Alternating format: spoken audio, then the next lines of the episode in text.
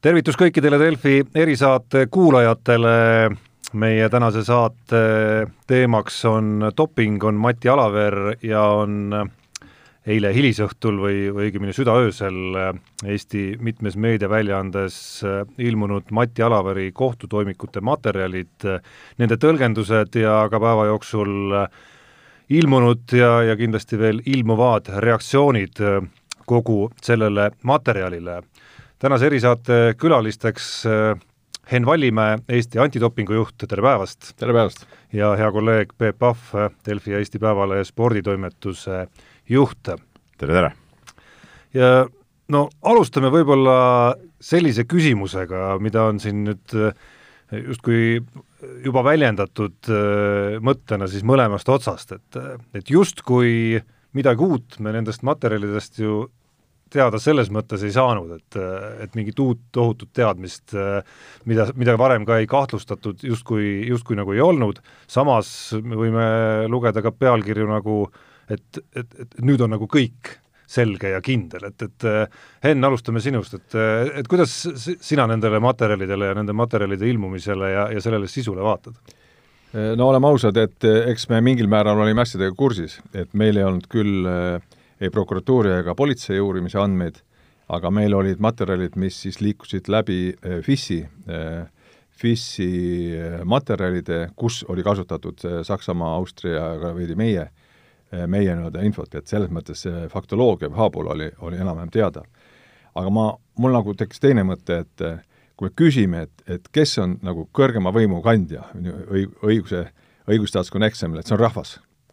et, et spetsialistid teavad, meedia põhimõtteliselt ka teadis, midagi üllatust ei ole, aga rahvas tervikuna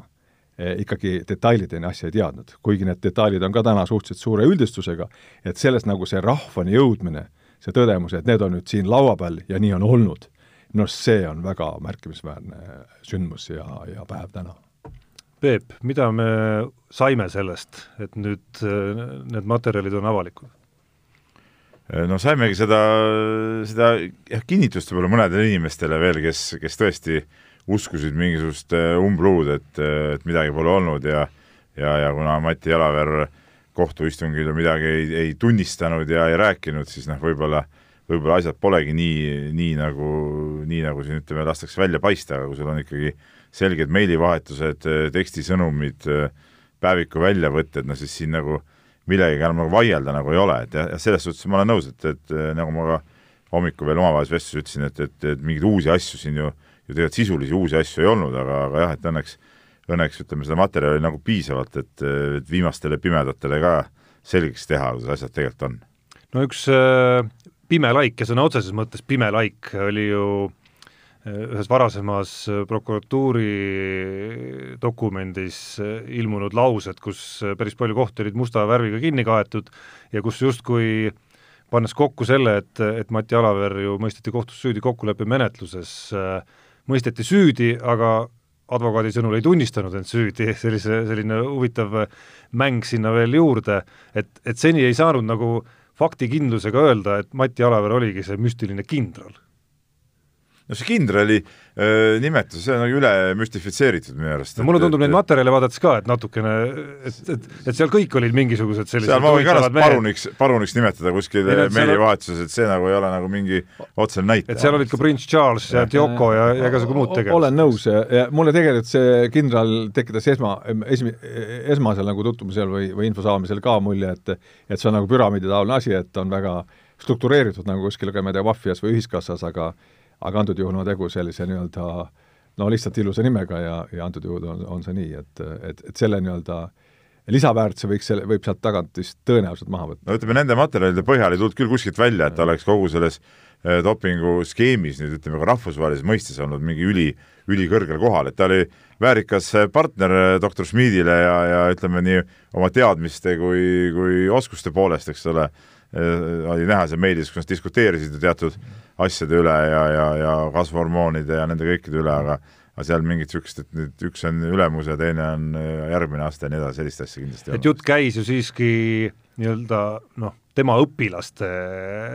ütleme siis jutumärkides aitamisest äh, ja nendele ainete toomisest ja, ja programmide koostamisest, noh pluss Poltoranin, kelle justkui treener ta võib-olla ei olnud ametlikult, aga noh, sisuliselt aga sisuliselt igaüks teadis, et oli. Jah, Poltora-, mina ei ole tema äh, dopingukontrolli vormi näinud, kus on mustvalgel kirjas, aga aga väidetavalt ikka oli, jah.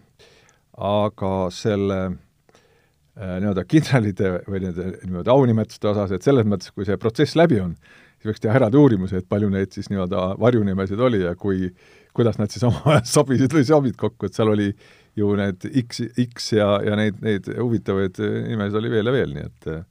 et sealt saab ka mingit võib-olla sellist psühholoogilisi uuringu teha sel teemal. Äh,. Te olete siin äh, nii-öelda vastajana nüüd äh, hästi erinevates rollides, Peep äh,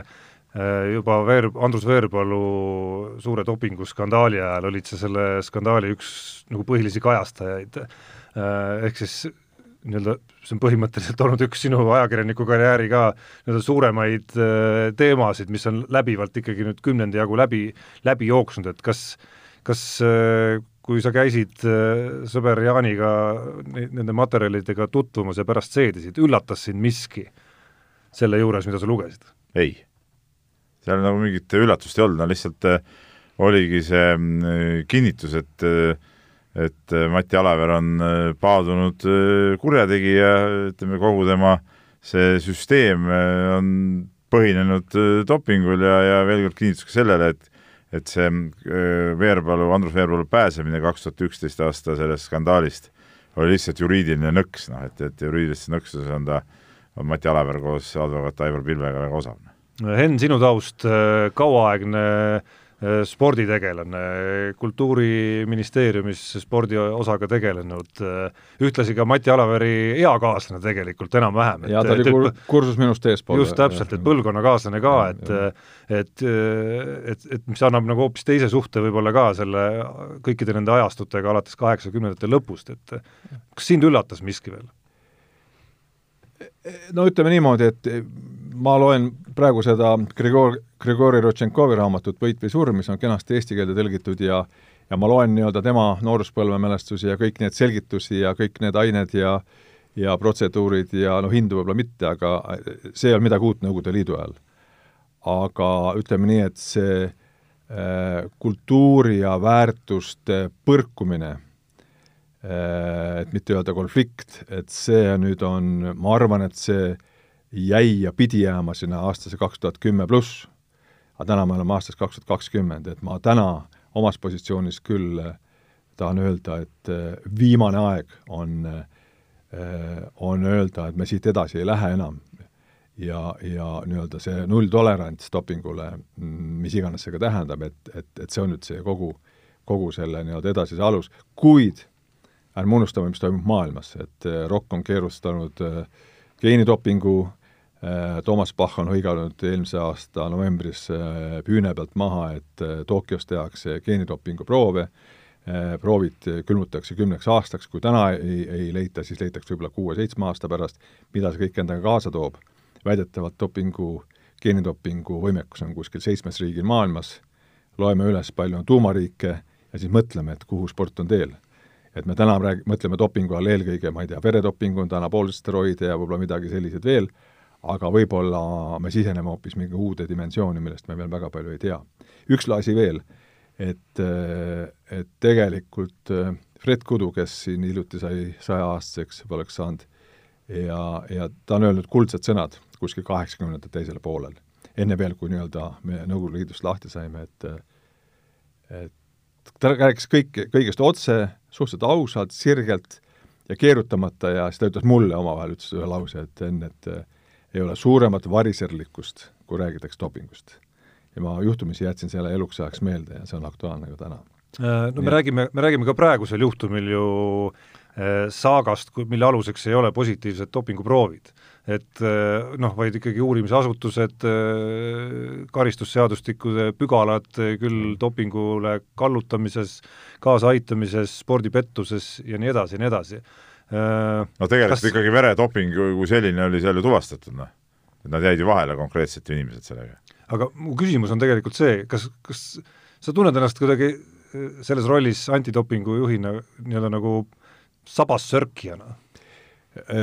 Kui nüüd seda Seefeldi juhtumit no,, juhtumit rääkida, siis, siis selles mõttes absoluutselt, aga, aga teisest küljest jälle meile anti nagu hapnikku või õppimise aega, sest meil vahetus terve antidopingu nii-öelda väike kontor, testijuht vahetus, nii-öelda direktor vahetus minu näol ja, ja teised ka, nii et et ühest küljest oli see võimalik nagu natukene kõrvalt õppida, kindlasti ei oleks meie nii-öelda suutnud sellise isegi osagi, osagi sellest nii-öelda välja uurida, kui just Kärpi oleks vabatahtlikult välja tulnud, et ta on midagi tarvitanud. et et ma tunnen ennast mõnes mõttes hästi, sest ma arvan, et see nii-öelda konflikt on juba toimunud. mulle meeldivad väga dokumendid Eesti spordi, kultuuri või spordikorralduse alused kaks tuhat kolmkümmend viis, kus on selgelt öeldud nii-öelda, on väärtuste ja nii-öelda dopinguvaba spordi põhimõte, hea juhtimistava spordiorganisatsioon ütleb selgelt, et nulltolerants, et üks, ükskõik, kes on meil olümpiakomitee president, nulltolerants dopingule ja nüüd meie asi on nii-öelda ikkagi suuresti jah, testida, teades, et testimine on hõre, sest on sellest mööda hiilimise sadu, sadu viise, aga see ennetus ja veidi ka nii-öelda hirmutamise töö, et, et see on nüüd see missioon, ma arvan, mida me peaksime ära kasutama ja nii-öelda viima tänaste noorte sportlasteni. no see nulltolerants on niisugune tore, tore jutt ja, ja no õige jutt, seda peabki muidugi rääkima, nulltolerants peabki olema, aga äh, ega see äh, dopingu ütleme, see tarvitamise hirm nagu enne ei kasva sportlaste ja, ja treenerite ja skeemipunujate hulgas, kui see asi ikkagi ka Eestis muutub kriminaalseks, noh, see on see on selge, et, et minu arust on äh, pigem on nagu jama see, et see ei ole Eestis veel dopingu tarvitamine kriminaalkuritegu, äh, see tuleks sellest kindlasti kohe muuta ja siis see paneks, ütleme, niisugused äh, seitsmendajärgulised sportlased nagu siin selles looski vahele jäänud, nagu Andres Veerpalu, noh, ütleme maailma, maailma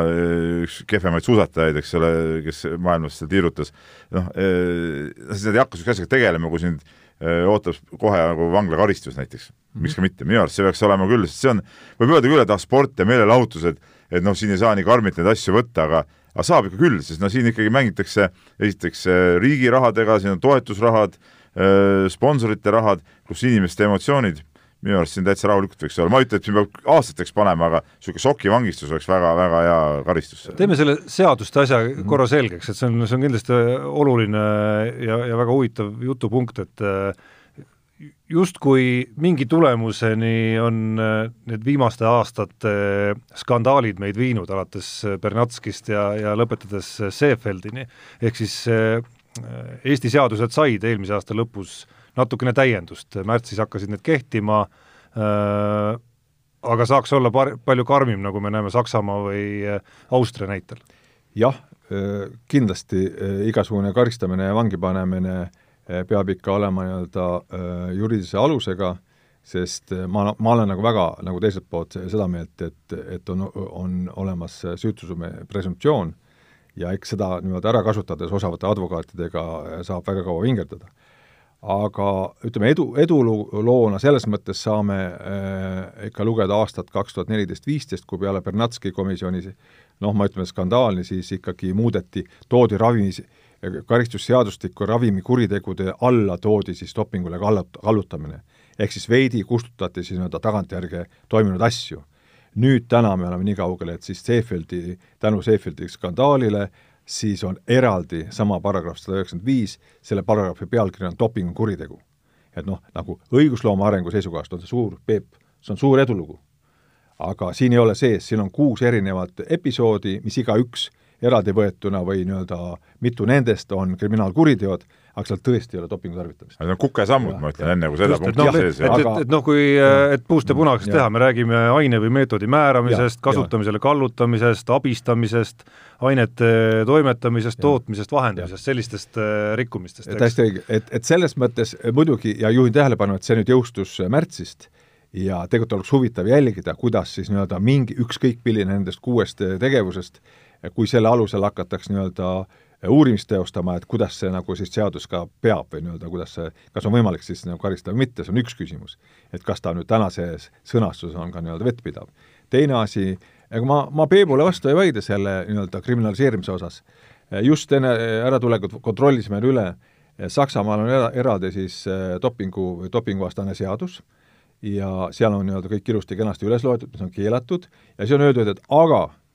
aga see kehtib tippsportlastele, kes on antidopingu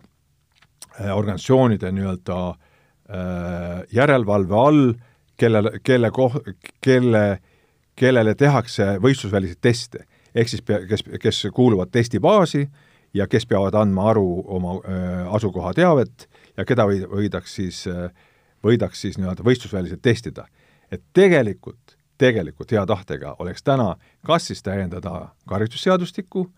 äh,, noh, kui me räägime ikka kriminaalkaristusest, seda saab jälle spordiseaduse muudatusega teha, nii et teised ei, ei, nii, nagu seekord tehti, ja võtta tõesti see nii-öelda Eesti testibaas,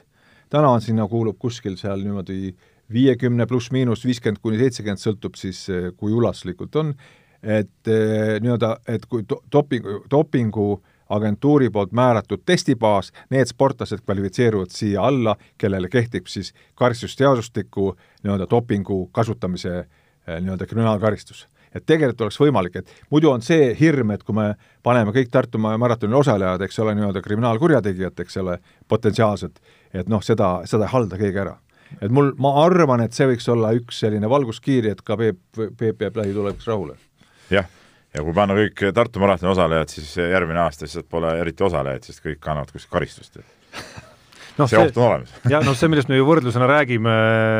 hakkab ju rulluma näiteks lahti siis äh, oktoobris nüüd Austrias, eks, kus siis äh, ja. äh, kaks Veerpalu, Tammjärv, Poltoranin, äh, paar austerlast sinna sekka, on siis, on siis just spordipettuse pügala all noh, küll sealsetes mõistetes äh, mitte väga suurte summadega, aga on ikkagi pihtide vahel. Just nimelt, et kui siin seadust veel rääkida, et tegelikult on austerlased meist veidi ees, aga noh, eks neil on ka nii-öelda negatiivseid kogemusi võib-olla ka rohkem, millest õppida on olnud, et Austria siis kriminaalseadustik paragrahv sada nelikümmend seitse räägib kelmustest ja, ja seal on siis eraldi alapunkt üks A, mis räägib siis nii-öelda kelmust äh, või, või, või pettusest siis äh, kasutades keelatud, antidopingu keelatud aineid või meetodeid ja, ja siis, äh, siis saavut-, sellega siis teenides teatud rahalist noh, edu või rahalisi noh, rahalist kasu ja siin on toodud siis see kasu algab siis viie tuhandest eurost ja siis kuni kolmesaja tuhande euroni ja see karistusmäärad on siis ühest aastast kuni kümne aastani. et kui kolmsada tuhat ja kümme aastat äh, vanglakaristust, see paneb ikka mõtlema. ehk siis, ehk siis antud juhul austerlasel on kasutatud kelmuse paragrahvi. ja nüüd, last but not least, on ka Eestil paragrahv kakskümmend üheksa karistusseadustikus, kelmus. ja kelmuse, kelmuse nii-öelda Mm, Taavi Pern ütles isiklikult, äh, juhtivprokurör, et, et tegelikult võib kriminaliseerida dopingu kasutamist isiku kasu e, e eesmärgil ka läbi kelmuse. et Eestis juba on kelmuse paragrahvil ka veel juba tekkinud lisanimetused, hankekelmus, soodustuskelmus, investeerimiskelmus, kindlustuskelmus, arvutikindlus, kelmus, et võib-olla oleks sinna eraldi spordikelmuse nii-öelda jupp juurde keevitada või kasutada kas olemasolev sõnastus nii-öelda spordi äh, Eh, või ütleme, spordis dopingu tarvitamist, siis koos isikukasu saamisega siis eh, kas see läheks läbi või mitte. et ma, ma arvan, et neid asju võiks proovida, kui me nüüd suudame, kui nüüd on selliseid põhjuseid, juhtumeid, et eh, võib-olla tänane seadustik juba peab, jah. et ma, ma nagu ei dramatiseeriks üle. kindlasti on poliitikute seas ja Riigikogu seas piisavalt konsensust, et vajadusel neid asju muuta. ei no kui, kui prokurör Pern niimoodi arvab, siis ma ei näe nagu muud äh, teed, kui eh, ruttu-ruttu siis eh, uurima neid asju, noh, ütleme, asjad on ju reaalselt olemas, et nii, see jutt on nagu tore, et me võime sinna alla panna, aga praegu on reaalsed lood, oleme kokku, palju siis eh, näiteks Karel Tammjärv on saanud riigilt toetust ja, ja sponsorite toetust ja nii edasi, et see, need ei ole väiksed summad, sest tegemist on ikkagi aastaid spordiga tegelenud mehega. no pigem on jah, see küsimus ka õppetunniks, ma arvan, nüüd uurimis- ja, ja prokuratuurile, uurimisorganitele, et et mindi nagu ühte kindlat noh, kas nüüd kärbest ikka suuremat saaki Alavere näol püüdma, aga, aga noh, tagantjärge tark olles oleks võinud selle kelmuse paragrahvi kasutades ka proovida mõnda sportlast siis nii-öelda sinna. ja te-, teine detail on veel see, et tegelikult ega rahalist kasu ei ole saanud mitte ainult sportlased, vaid sama Mati Alaver ise ka ju, ju aastaid sõitnud siin uhkete autodega, suured toetused, preemiad, kõik need asjad, eks ole, et, et noh, tegelikult tema on võib-olla äh, Eh, oma nende selle treenerikarjääri jooksul saanud nagu kõige suurema selle torditüki tegelikult sellest, eh, selle pettuse teel? Äh, no teie vahel vist debatti ma ei suuda tekitada selles küsimuses, et kas, kas nii-öelda seadused võiks olla karmimad ja kas neid juba potentsiaalselt olemasolevaid pügalaid võiks ka karmimalt nii-öelda, karmimal kujul hakata nagu praktikas rakendama ja, ja kohtupraktika nii-öelda ära proovida siis mõne konkreetse juhtumiga, aga noh, vaadates nüüd tänagi erinevaid reaktsioone, siis äh, ühes otsas noh, sisuliselt nii-öelda nagu teie otsas siis Kristjan Port näiteks, eh, kes utsitas eh, meediat ja, ja keda iganes veel minema ikkagi kaugemale ajas veel, minema sinna nendesse aegadesse, kus Andrus Veerpalu ümber maailm kokku kukkus, kuigi ta sellest lõpuks justkui nagu paberite järgi puhtalt pääses, minema ajas tagasi, olema karm, uurima lõpuni, ütleme, tsite-, parafraseerides või, või peaaegu tsiteerides, tekitama sellist kultuuriruumi, et kõik, kõik, kõik saaks aru ja kõigil oleks selgeks, et, et doping on igal juhul no. noh, või siis loen ka Õhtulehest siin värskelt endiste suusakoondislaste juttu, nagu näiteks Aivar Rehemaa, et kelle sõnul, mis see enam muudab, kas inimene on vähem või rohkem süüdi, süüdi ta on, lähme nüüd eluga edasi. jaa, no niisuguse suhtumisega äh, noh, ei saagi ju, ju midagi teha, et, et et äh, nii väga mugav on seda ära lükata enda pealt, eks ole. eriti veel olles ise olnud ka kogu selles süsteemis sees, et no see, ma väga neid endiste suusameeste juttu praegu väga tõsiselt ei võtaks tegelikult, noh, neid no, kommentaare. täiesti nõus, üks paradigma muidugi veel, äh, et äh, kui sa ületad kiirust ja suudad teha sellise nii-öelda õnnetu ja, ja kahetseva näo või hoiaku, siis politseile see väga meeldib ja, ja, ja jääb mulje, et sa oled nii-öelda oma, oma rikkumisest aru saanud, kahetsed ja enam edaspidi ei tee. ehk siis seda, mille, millele ka Kristjan Port juhtis ka varem tähelepanu, et see avalik kahetsus ja usu, usutav kahetsus, ma arvan, et see on ka üks asi, mis meil täna puudu on kogu sellest saagast. et tegelikult usaldusväärselt kahetsenud ei ole mitte keegi. on jah, jupikaupa informatsiooni antud nii palju kui vaja või tõenäoliselt nii palju, kui teada on, aga sellist puhtsüdamlikku kahetsust äh, võib-olla Tammjärve kõige rohkem, aga, aga ka seal on kuskil klaassein on ümber, nii et et ka, et see, see on see, mida tegelikult oleks nagu täiendavalt juurde vaja. see Tammjärve nii-öelda puhtsüdamlik kahetsus ja see, mis ta seal alguses korraldas, see oli ju ka paras näitemäng tegelikult, nagu nendest äh, asjadest siit välja tuli, eks ole, ta ju püüdis ka ju Mati Alaveri rolli seal pisendada ja, ja, ja kõiki neid asju, eks noh, tegelikult ju, ju koostöö oli ju nii tihe ja arutati neid, neid kõiki detaile, et et noh, see see paneb sellele nii-öelda patukahestusele ka niisuguse oma, oma pitseri peale igatahes. sa sõnastasid lahti mu klaasseina jah, jah. no et kõik saaks, et kõik saaks ikka aru. ehk siis me mingis mõttes äh, vastuseks ka Aivar Rehemale mõnes mõttes jõuame ikkagi tagasi sellesama äh, kokkuleppe menetluse juurde, et, et oleks sinna juurde käinud kas või, kas või see lause, et jah, olen süüdi, mind tunnistati ka süüdi, võtan karistuse vastu äh,, ja saaks vähe teist, teise ilmega edasi minna. no see on ju paadunud eh, kurjategija käitumine, et ta ei tunnistanudki ennast ju süüdi tegelikult, noh. kuigi kõik eh, mustvalgel on kõik su ees olemas, noh. no kuidas saad mitte ennast süüdi tunnistada või, või siis teine variant on see, et Mati Alaver arvabki, et ta tegi õigesti kõik. kas ta tõesti arvab, tegi kõik õigesti, et see dopinguvärk on õige, et nii on, tulebki, nii on, saabki ja, ja ongi kõik, noh. mingit muud, muud äh, versiooni nagu ei saa ju olla peale niisugust asja tuleb sinuga nõus olla, aga, aga ikkagi ma arvan, et kui see element või see nii-öelda osa sellest, sellest noh, näitemäng on võib-olla nagu halb öelda, aga aga sellest loost see nii-öelda pat-, patukahetsuse lugu võiks olla ikka kuskil kellegi poolt täiendavalt olemas, noh nüüd on, tegelikult on Andrusel veel võimalus, et tema ei ole, ei ole nii-öelda midagi eitanud, ta on lihtsalt vait olnud, et kui ta tunnistaks üle, üles, et jah, kõik see asi oli niimoodi, tal oleks veel see võimalus, et ma küll kutsun üles Andrust, Andrus Veerpalu, et võib-olla siis nii-öelda läbi tänase patu kahetsemise minna ka nii-öelda tagasi ja eh, kümme ja rohkem aastat. no ol-, olles läbi nende aastate näinud Andrus Veerpalu käitumist, eh, siis minu arust see on olnud ikkagi suhteliselt süüdimatu kogu selles asjast arusaamisel, mis puudutab kõiki nende reeglite rikkumist kuskil võistlustel, käimist jätkuvalt edasi ja, ja, ja nagu üldse aru saamata, mis ta teinud on ma, su üleskutse muidugi õige, aga ma, mul puudub igasugune usk ma räägin võimalusest. jah, ei ma saan aru, aga mul puudub igasugune usk, et inimestesse peab lõpuni uskuma, et et tegelikult on jah, see võimalus ja ma, ma arvan, et see ei ole mitte ainult võimalus, see on ka vajadus. et tegelikult on ju kordades lihtsam andestada, kui, kui, kui inimene nagu ennast puhtsüdamlikult süüdi tunnistab, et nii-öelda maas lamat ei ole kombeks lüüa, nii et nii see täna on et see, siis oleks väga lihtne,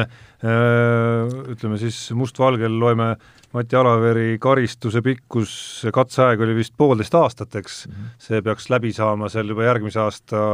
keskel, kui ma nüüd õigesti olen arvutanud, ehk siis justkui läheme eluga edasi. Üks huvitav, kui me nagu seadusandlusest natuke rääkisime, siis tegelikult uuest aastast uueneb WADA koodeks, mis on siis maailma dopingukonventsiooni nii-öelda piibel sellega kehtestatud. ja seal on üks huvitav öö, eh, uuendus. seal on uuendus, et riikide valitsustele, et, eh, et muuta siseriiklikke seadusandud, andusi ja regulatsioone selliselt, et dopingukaristusega, ükskõik mis tasemel, kas kriminaal, süüteo või kutsealasel karistusel järgnevalt kuue aasta jooksul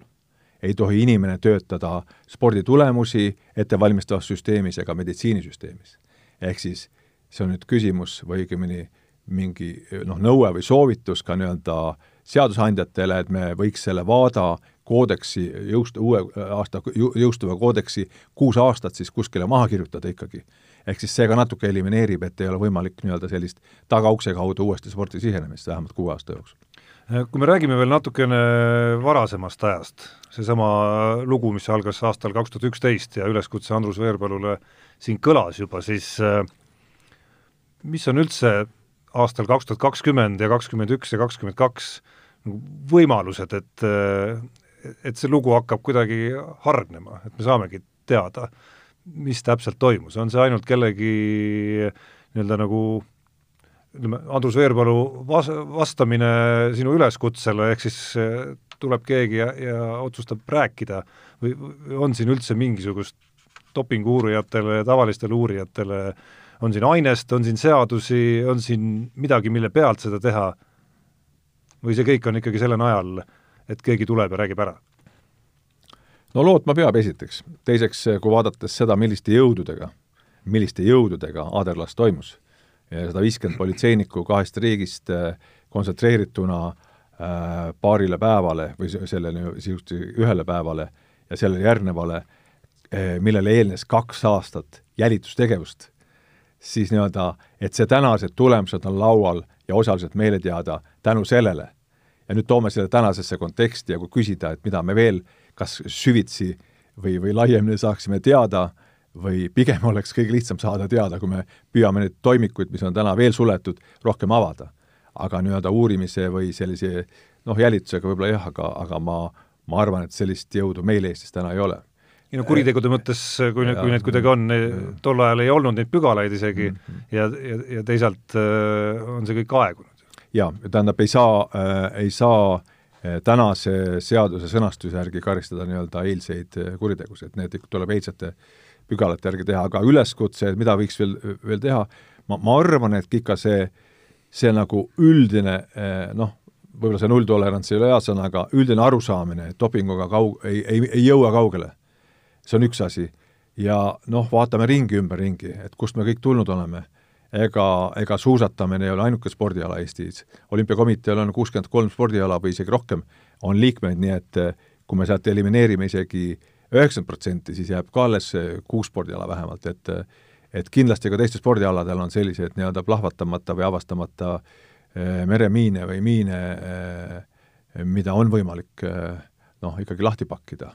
hea tahtmise korral, et äh, ma, ma nagu ei arva, et suusatamises, ainult suusatamises toimus need asjad, et kindlasti on ka mujal midagi toimunud või toimumas. aitäh, Henn, aitäh, Peep, selle jutuajamise eest, tööd jätkub nii teil kui ka teil. aitäh kutsumast! ütleme siis niimoodi. töö läheb edasi. töö läheb edasi. aitäh ka kõikidele kuulajatele ja järgmine Delfi erisaade eetris juba homme